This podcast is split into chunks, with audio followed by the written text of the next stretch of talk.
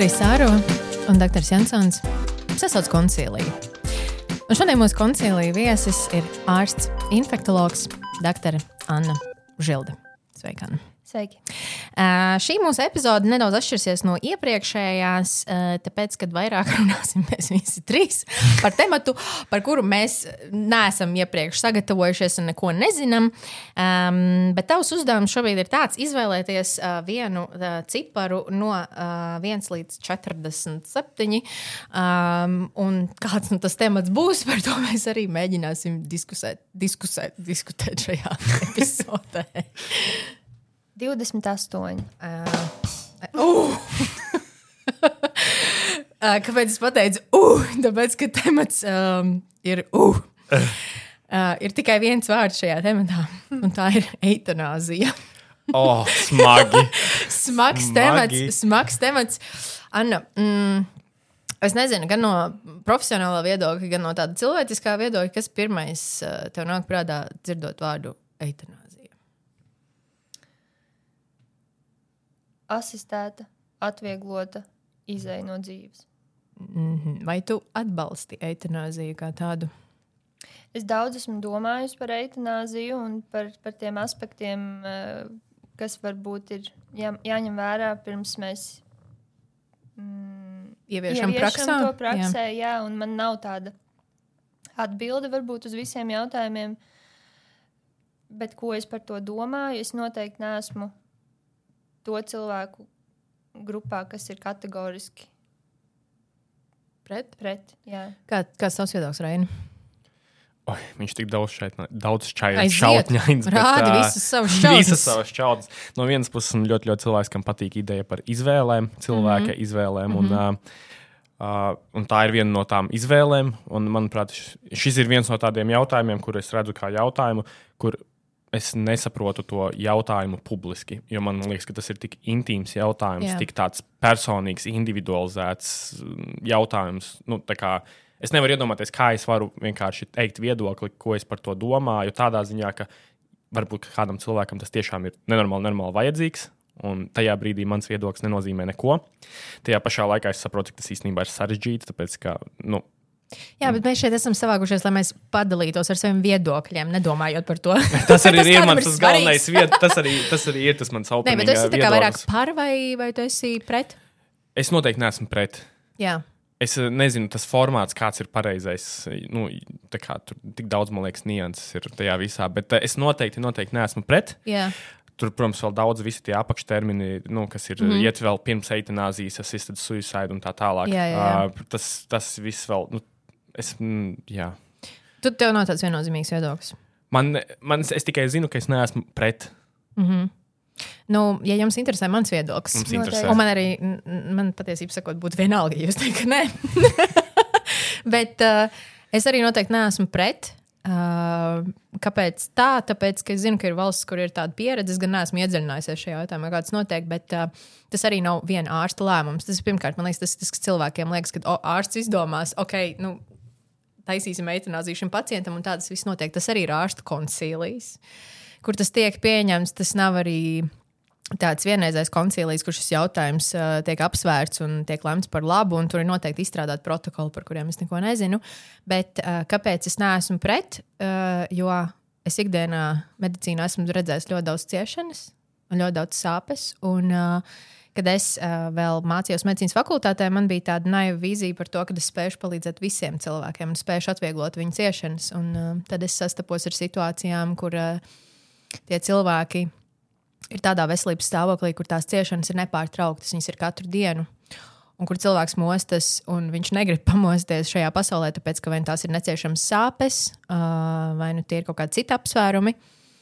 Un uh, es kopumā neredzu nekādu īsti ierobežojumu mums, kā ārstiem, cieņpilnam cilvēkam aiziet, ja tā slimība ir neārstējama. Ja mēs zinām, ka tas stāvoklis neuzlabosies, un ja mēs zinām, ka mēs citādāk šobrīd ar to mūsu pieredzes un zināšanu bagāžu mēs tam cilvēkam nevaram palīdzēt. Līdz ar to arī man, es būšu godīgi, lielākā baila ir nonākt tādā veselības stāvoklī vai situācijā, kur es pati par sevi nespēju parūpēties, un kur mans veselības stāvoklis ir tāds, ka uh, nu, ir kaut kādas tiešām neizturamas ciešanas, un es varbūt pat apsvērtu šādu iespēju. Es būtu priecīgi, ja man būtu izvēle apzināti aiziet, un kur ārsti arī izvērtē to stāvokli un pasaka, jā. Droši vien tādā, nonākot tādā situācijā, tas bailīgākais varētu tik tiešām būt tas, ka tev nav šīs izvēles un kontrolas varbūt par Jā. to savu iznākumu.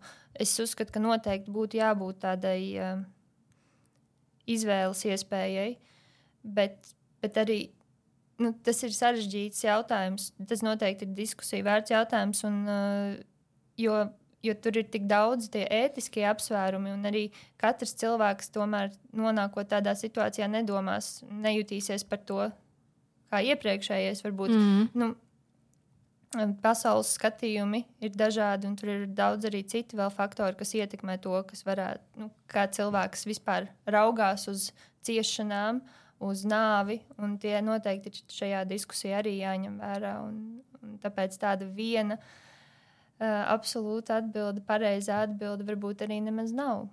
Nē, nu nav, bet man liekas, ka arī ir tāds nedaudz aizspriedums pret eitanāziju, par to, ka, tagad, ja mēs atļausim to darīt Latvijā, un tas būs regulēts, tad visi gribēs uztaisīt eitanāziju. Nu, kaut kāda apsvēruma dēļ. Nu, Nu, kā man sāp katru dienu galva mēnesi, es tagad taisīšu eitanāziju. Man liekas, ka tas ir tas, ka mēs ļoti vulgarizējam to. Un, kad, uh, Trivializē. ļoti. ri- Vai tas ir tas vārds? Tas zinu, ir Vulgarizējam un- robežas tāds. vienkārši. Es Vienkāršojam, jā, mēs to ļoti vienkāršojam, visu to, visu to lietu. Jo man arī pasaule rādījās melnbalta līdz nonāca medicīnā. Līdz es redzēju, cik milzīgas ciešanas ir pieņemsim paliatīvai aprūpē. Vai palietīvā Es aprūpē. tieši tāpēc tēma, arī tā man tēma ir tik vienkārši jā. tāda. Nu, nu, nu, nu, nu. Man tā tēma, jā, bet. Uh, Nu, Jā, bet, bet, vispār, tēmu. bet, uh, bet vispār vienkārši tā, man liekas, ka, tā, kad mēs runājam par eitanāziju, man liekas, ir tik daudz, tajā visā iesaistīts ir tik daudz cilvēku ego vienkārši pēc būtības, mm Mhm. kad mēs runājam par to, nu jā. Jā, es nezinu. Labi, bet paliatīvā Jā. tēma, bet paliatīvā tēma, man liekas, ka pirms mēs runājam par eitanāziju Latvijā, vai mm Mhm. -hmm. nē, kāpēc nē, kāpēc tas nav, tas nav jānodala atsevišķi, bet tā paliatīvā aprūpe, tas, tas dzīves nobeiguma, ciešanu laiks. Oi, man liekas, tas ir tik sasāpējis jautājums Latvijā. Es nezinu, cik daudz šī. Varbūt tu varētu izskaidrot, kas ir paliatīvā aprūpe. Jā, paliatīvā aprūpe. Tas ir. Es pats ar to esmu saskāries. Es tagad esmu tāds kā amatieris tajā virzienā, mm -hmm. cik man tā kā ļoti interesē onkoloģija un viss. Un es esmu saskāries pēdējā laikā ar cilvēkiem. Paliatīvā aprūpe tas ir laiks, kad ir cilvēki, kuriem mēs atzīstam, ka mēs viņu vairs nevaram glābt, mēs viņu vairs nevaram Izārstē. izārstēt. Bet mēs nevaram viņam tā kā ļaut arī ciest. jā mēs nodrošinām. Mums jānodrošina, jā. jā. ka cilvēks tas laiks, kas viņam vēl, piemēram, ir atvēlēts, ka viņš ir komfortabls, bez sāpēm. Jā. Un, un, un, un, un tā situācija Latvijā ir vienkārši drausmīga. Vai tavs novērojums arī ir tāds, ka uh, cilvēki, kuriem nu, ir būtībā tikai šobrīd tā paliatīvā aprūpe, iespējams, ka viņi tiek norakstīti un ka tas, ko varbūt tu saproti ar terminu paliatīvā aprūpe, to tā nesaprot citi uh, ārsti.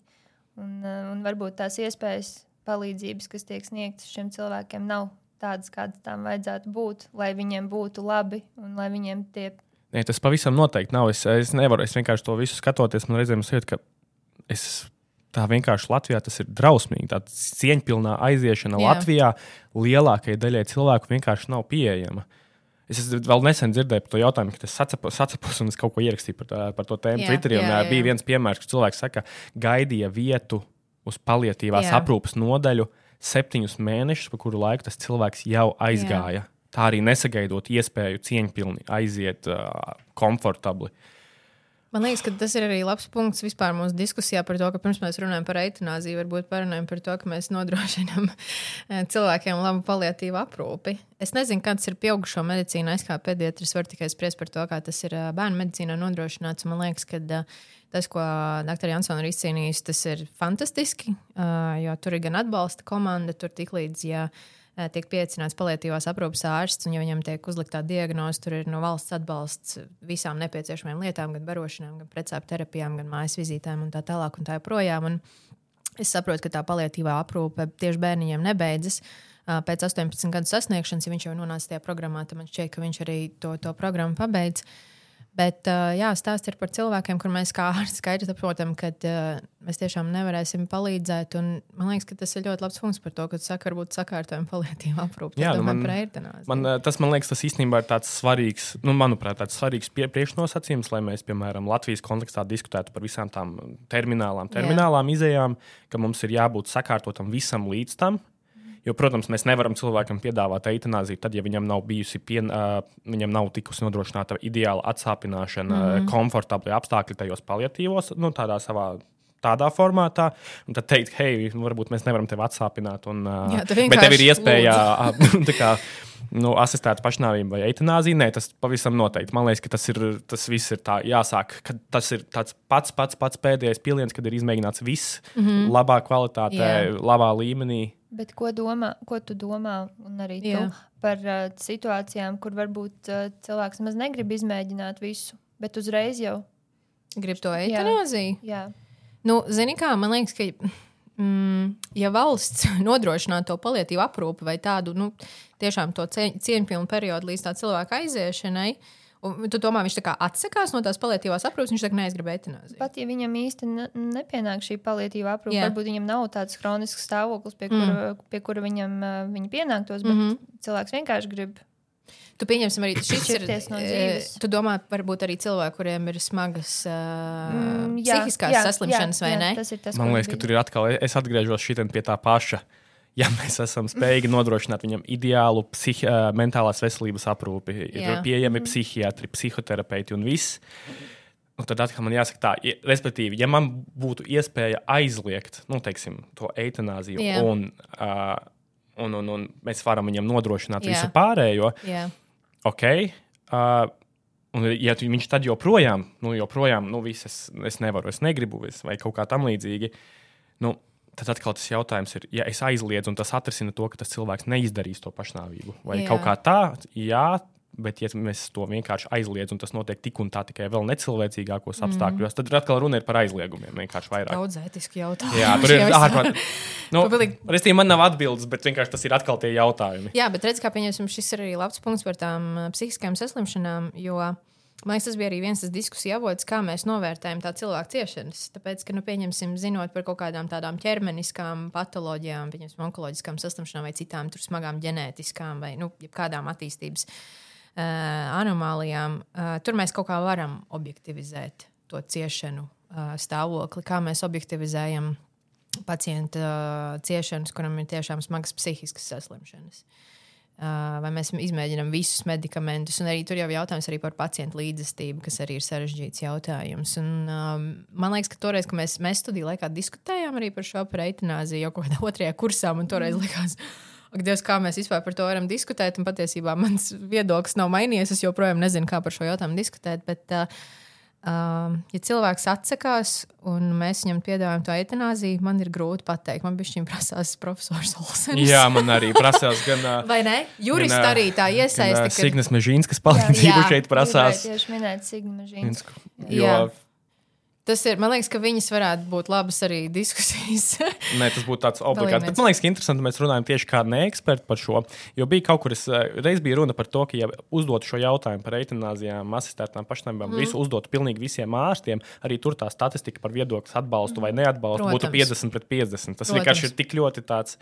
man liekas, ka to arī ietekmē arī, protams, kaut kāda reliģiskā piedarība. Pasaules skatījums. Pasaules jā. skatījums, ārstam, ārsti jau arī ir tikai cilvēki. Mēs jau neesam visi absolūti Un vienādi. vēl arī tas arguments, eh, ko es esmu novērojis tādās diskusijās, kas ir pret eitanāziju no ārstu uh, puses, bieži izskan, ka viņi nevēlas būt tajā pozīcijā, kur viņi ir tie, kas lemj.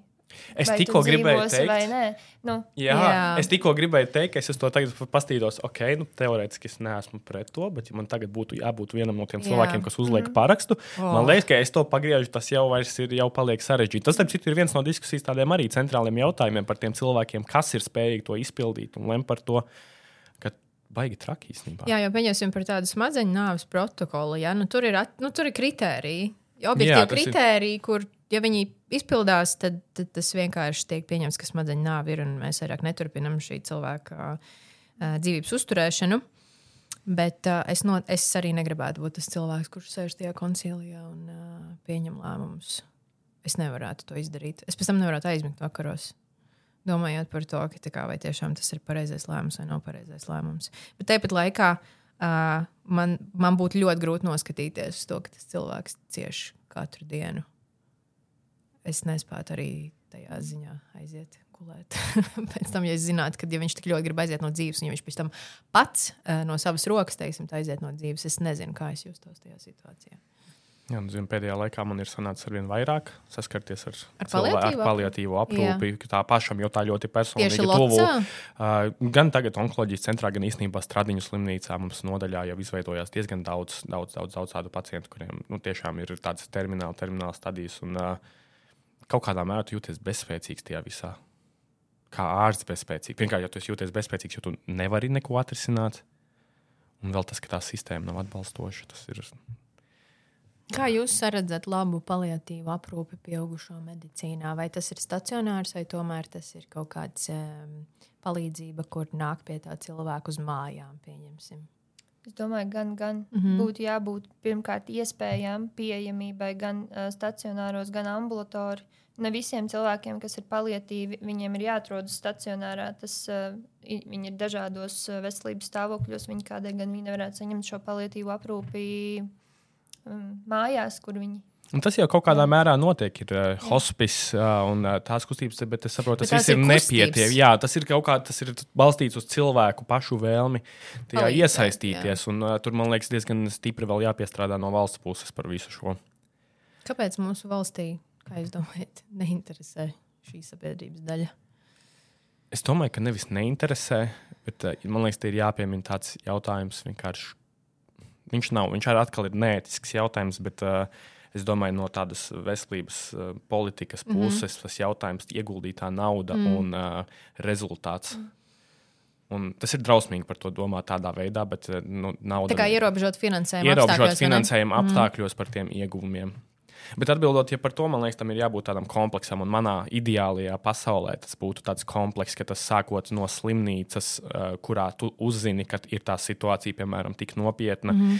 ir jābūt perfektam ceļvedim par uh, to, kā ir pieejama aprūpe mājās. Jo, protams, jo mēs mazāk varam noslogot slimnīcas ar uh, lietām, kuras mēs varam nenoslogot, Jā. tas ir jau plus. Un, uh, man tāds liels sapnis, ka būtu tāda vieta, tādā skaistā, skaistā kādā vietā, kur tiem cilvēkiem arī pabūt, piemēram, nu, saņemt to palīdzību mm. Aprūpi stacionārā, bet tas stacionārs nebūtu Nav slimnīca. rūtaina slimnīcas mm -hmm. loga, bet tā būtu tāda skaista vieta, pļavā, ar, kurā cilvēki tiešām saņemtu. Ne tikai, un man liekas, tas baigi, baigi svarīgi, tas ir ne tikai tā fiziskā aprūpe, kas ir nu, tāda skaista izmērama atsāpināšana, tur elpošanas nodrošināšana, mm -hmm. vispārējais, bet arī tāda mentāli cilvēkiem kaut kāda nodrošināt tādas skaistu to laiku, nu, mm -hmm. iespēju robežās skaistu. Tas būtu tāds, par ko es sapņoju. Jā, tā būtu ļoti ideāla pasaule, ja mēs to varētu izdarīt. Bet runājot, es gribēju vēl par to eitanāziju. Kas ir tas, kas ir tie aspekti, kur jums liekas, ka kā, jūs esat pret to eitanāziju? Ne, ne no profesionālā viedokļa, kur jums būtu jāparaksta pieņemsim, tas dokuments, bet kas ir varbūt tās vēl pret lietas eitanāzijai? Nu, es teiktu, ka droši vien arī tas, ka faktori var mainīties, apstākļi var mainīties, varbūt var mainīties arī domas tam cilvēkam, kurš, mm -hmm. uh, kurš uh, ir lēmis, ka viņš grib šķirties no dzīves. Un, un tas jautājums uh, par to, vai, vai, vai vienmēr nu, tā, tā vēlme ir absolūta. Mm -hmm. Vai tas ir tāds, tā kā, nu, ne, es nevaru to nosaukt par mirkļa vājumu, tas būtu nepareizi Nu, teikt, bet nu, tāds, tāds tā kā, tas izmisuma brīdis, jo mēs visi, man liekas, cilvēki, arī, kuriem ir kroniskas saslimšanas, viņi bieži vien mm -hmm. nonāk laikam tajā zemākajā punktā, kur, uh, kur, no kur viņiem grūti tikt ārā un varbūt nevajadzētu tā kā ļoti arī paļauties uz to zemāko punktu, jo no viņa var arī cilvēki izvilkt. Mani biedē tas, ka uh, jebkura šāda lieta prasa kaut kādus stingrus protokolus, kā Jā. tas notiek, un tas ir kaut kādu vadlīniju veidošana par kaut ko tik sensitīvu kā dzīvība un Individuāli, nāve. jā. Ka es nevaru iedomāties, ka tas algoritms varētu, kā to algoritmu, noteikti tas jau ir kaut kādā mērā darīts, bet tam algoritmam ir jābūt cik pilnīgam viņam ir jābūt, lai viņš tiešām iekļautu tos tik daudz mazas nianses cilvēka. Tieši tā tur ir reliģiskas pārliecības un, mm. nu, un- un ļoti, ļoti daudz visādas lietas, kas ir jāņem vērā vienkārši to visu izvērtējot. Bet, tā, jā, atgriežot, man joprojām gribās vienkārši teikt, ka tas ir tik ļoti tie- tā cilvēka. Es, man ir kaut kā, bet es Jā, jā, bet- gribētu, lai tas ir pieejams kaut, kaut kādiem cilvēkiem, kuri tiešām zina, ka viņiem tas ir vajadzīgs. Pat pēc simts psihiatru, psihologa nezinu, apmeklējuma, ka viņi joprojām saka, tā ir viņu lieta. Un tā noteikti nav mana kā ārsta lieta Mhm. Izlemt kaut ko tādu. Jā, bet man liekas, ka mēs esam vieni no galvenajiem vispār varoņiem šajā stāstā, kā ārsti, jo kurš gan cits pieņems tos lēmumus, vai tiešām tā vēlme ir stabila, noturīga, ka tas nav kaut kāds depresijas epizodes uh, izpausme, kur cilvēks vienkārši ir ļoti, ļoti lielā bedrē, un tas varbūt ir pārējoši. Un tā kā tik un tā tas ir mūsu lauciņš, kur par to lems, tas jau neviens īsti. cits Nezinu, vai tas ir mūsu lauciņš. Es domāju, nu, tas ir mūsu kā cunftes ārsts, un ne jau infektuologs, pediatrs un lors varbūt. Vai nē, nu, lai gan arī pieņemsim, es varu iedomāties, kur, ja tu. Konsīlija Jā. ietvaros. Koncīlija ietveros, jā. Jā, kur arī mūs piecina kā ārstējošo ārstu. lai Man ir sanācis pabūt koncīlijos, kuros tiek lemts par to, vai kaut ko vēl var darīt, Jā. Vai nevar darīt. Un, uh, ir dīvaini par to justos, justies tik normāli. Kādā ziņā? Nu, teiksim, jau tev kā ārstam, tu sēdi koncīlijā, kurā, Jā. Piemēram, tiek pieņemts lēmums, ka mm -hmm. šeit tālāka ārstēšanas vai nu, ārstēšanas uh, pāsināšana, eskalā, tas, es gribēju teikt to vārdu, bet man gribējās, es zināju, ka šī tā terapijas pāsināšana vairs nav mērķiecīga. Nu, intensificēšanās. Vai, jā, un, un justies par to. Man liekas, es saprotu, kāpēc tas tā notiek, un tā ir. Tas vienkārši tāds ir fakts, ka tas par to ir jālemj. Bet uh, man vienmēr pārsteidz tas, ka justies normāli par to. Nu, tā kā aiziet uz tādu sapulci, kur tiek lemts par cilvēku tālākām ārstēšanas Jā. iespējām, saprast, ka vairs nav.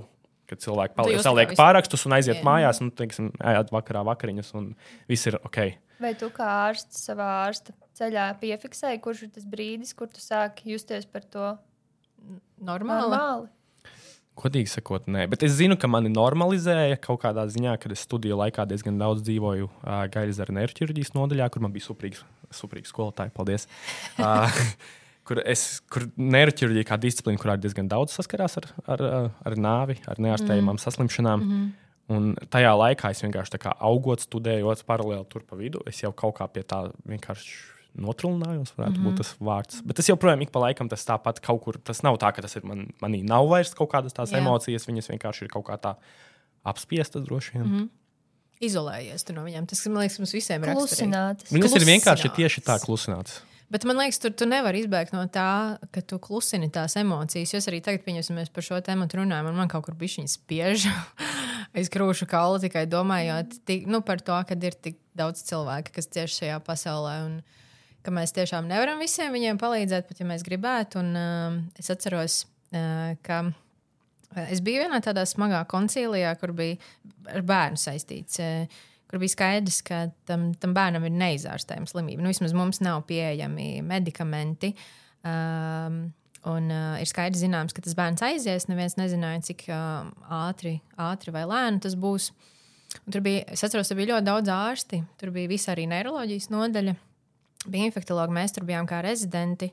Un es sēdēju tajā telpas stūrī, un uh, es tikai spēju atcerēties, ka tā māma ienāca, un uh, viņa vēl nezināja to diagnozi. Un, uh, es jau redzēju viņas sejā, ka viņa saprot, ka nu, viss ir ļoti, ļoti slikti.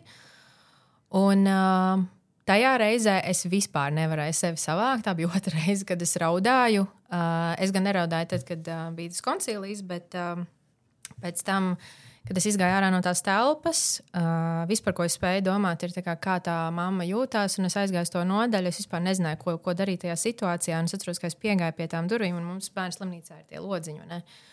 Un uh, es redzu, kā viņa guļ tajā gultā ar to bērniņu, viņa apķērusi, un es sapratu, ka es nezinu, ko darīt tajā situācijā. Kad tu paziņo tam pacientam par to, ka nu, tā dzīve beigsies tā, un uh, mēs nezinām, kad tas būs.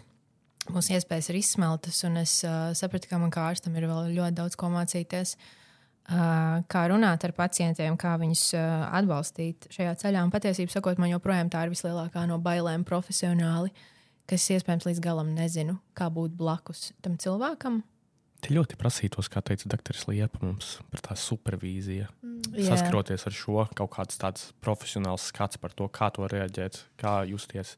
Man liekas, tas mums pietrūkst. Mums, jā, mums ļoti pietrūkst, un es to es, biju arī palietīvai aprūpē rezidentūras laikā, ciklā, tieši nu, bērnu, bērnu slimnīcā. Uh, viens no grūtākajiem laikiem uh, man vispār rezidentūras laikā, tāds vēl bija arī onkohematoloģijas uh, nodaļā, kur uh, tā ir pilnīgi cita pasaule. Tādā ziņā, ka uh, kā tie vecāki cīnās par tiem bērniem un uh, kā tie ārsti cīnās par tiem. Joprojām neskatoties to, ka viņi ir palietīvi aprūpē, un kā ir zināms, tas viss iznākums, bet uh, tas ir kaut kas vārdiem neaprakstāms, un tāpat laikā es saku, ja tas cilvēks. Uh, Kāpēc es nesaku pret? Tāpēc, ka es esmu redzējis tās ciešanas, un ja tas cilvēks saka, ka viņš nevar izturēt, kāpēc man viņam neticēt, ka viņš nevar izturēt?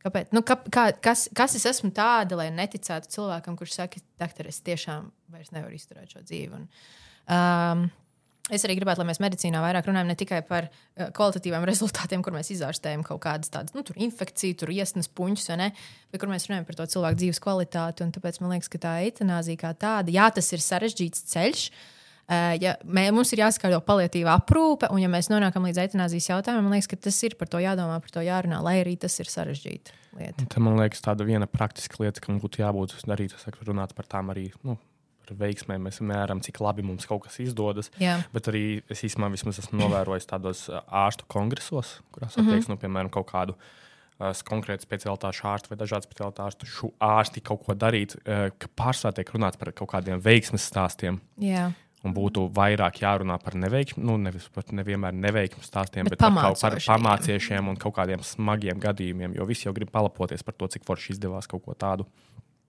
Mm. Baigi smagi iegūt viņš tas ir. Jā, bet tas ir tas, par ko cilvēki grib, lai mēs runājam. Un es arī gribu par to vairāk runāt, jo cik jūs daudz esat dzirdējuši šobrīd diskusijas par kādām eitanāzijām. Nu, protams, varbūt šis nav īstais brīdis. un Latvijā ir citas problēmas, par ko runāt. Bet, uh, Uh, visādā ziņā, jā, man, man arī patīk, ka mēs vienojamies tajā viedoklī, ka mēs neesam pret, bet uh, tas ir ļoti sarežģīts jautājums, un tas nav atkarīgs tikai no ārstiem. Tur ir uh, profesora Olsona jāiesaistās Signe. arī jāpajautā viņas viedoklis. Un tie ir, man liekas, arī tie interesantie jautājumi, ar ko mēs ikdienā saskaramies. Man liekas, cilvēki varbūt arī nesaprot, cik ļoti bieži mēs uh, slāpējam sevī kaut kādas uh, emocijas, un cik bieži tiešām, tu, tu piedzīvo, kad tu saki, tu esi tajā koncīlī, un tu aizēji vakarā, un tu ēd vakariņas ar savu ģimeni. mm, jā, Spēlē twisteru. giču, twisteru, jā, vai, vai tur kaut ko, un cik ļoti, kā, cik ir milzīgs tas uh, sloks emocionālais, ka tu pārslēdzies no kaut kā tāda, kur tu piedzīvo tā cilvēka, iespējams, tās pēdējās dienas, un tad tu atgriezies savā dzīvē, kā nekas nebūtu bijis.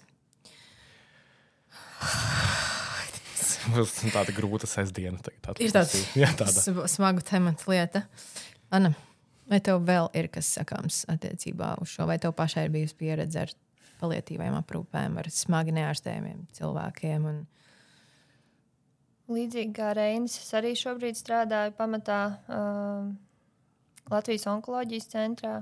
Tu esi to minējis šajā podkāstā, kad tu strādāji. Nē, vēl, bet tas tāds. Nu, bet viņš teica, ka onkoloģija nu, Jā. ir. Un, nu, protams, ka ikdienā nāks sastapt tādus pacientus, kuriem tās terapijas iespējas ir izsmelts, un viņi ir Mhm. mm, nu, būtībā laika, laika jautājums. Tas ir, cik ilgi viņi būs starp mums, un tas ir smagi. Uh, un es neesmu noteikti pie tā pieradusi. Es nespēju tik veiksmīgi varbūt klusināt, un tas ir ļoti, ļoti izaicinoši Jā. ikdienas darbā. Es tieši gribēju jautāt, vai, e, vai jums ir pienākusi tā apziņa, ka kā jūs visus pacientus neizglābsiet? Un, ja jā, tad kad, kad nu, aptuveni, kad jūs sapratāt, ka jūs visus neizglābsiet? Ja es iestājos medicīnas fakultātē, bija ir tāda naiva doma, ka visi pacienti ir izglābjami. Personīgi kaut kad jau medicīnas studiju laikā Mm. mm. es sapratu, ka tas nav iespējams, bet pieņemt to tāpat ir grūti. Pat ja tu apzinājies un saproti ar prātu, ka to nevar, tas ir emocionāli uh, ļoti smagi. Nu, man tas paliek grūtāk, jo es, piemēram, medicīnā nekad nestājos ar domu, ka es glābšu cilvēku, mm. -hmm. cilvēci. Man uh, primāri interesē, man ļoti vienkārši tiešām interesē visādas, nu, vienkārši likās amazing kaut kādas Jā. zinātnās lietas. Jā, Bet uh, tas īstenībā ar laiku, ar laiku es esmu kā sācis piefiksēt tās lietas, ka viņas īstenībā nu, man jas arī kaut kā, kaut kā man ietekmē. Droši vien kā cilvēku mani mm. uh, deformē.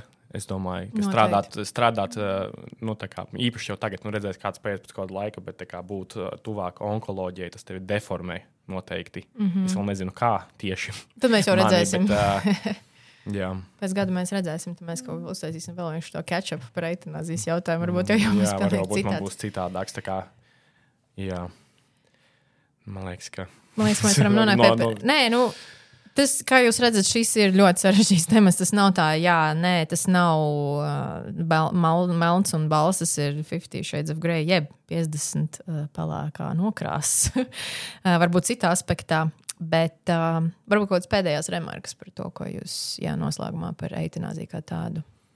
Es nezinu, godīgi, godīgi pateikt, ja tā tagad padomāju. Es Man varbūt- vienkārši vajag daudz par to padomāt. Un, uh, jā, Es šajā sarunā patiesībā ne, ne, nerunāju par eitanāziju. Es kaut kā atkal pieslēdzos pie tā, cik daudz ciešanas es redzu ikdienā.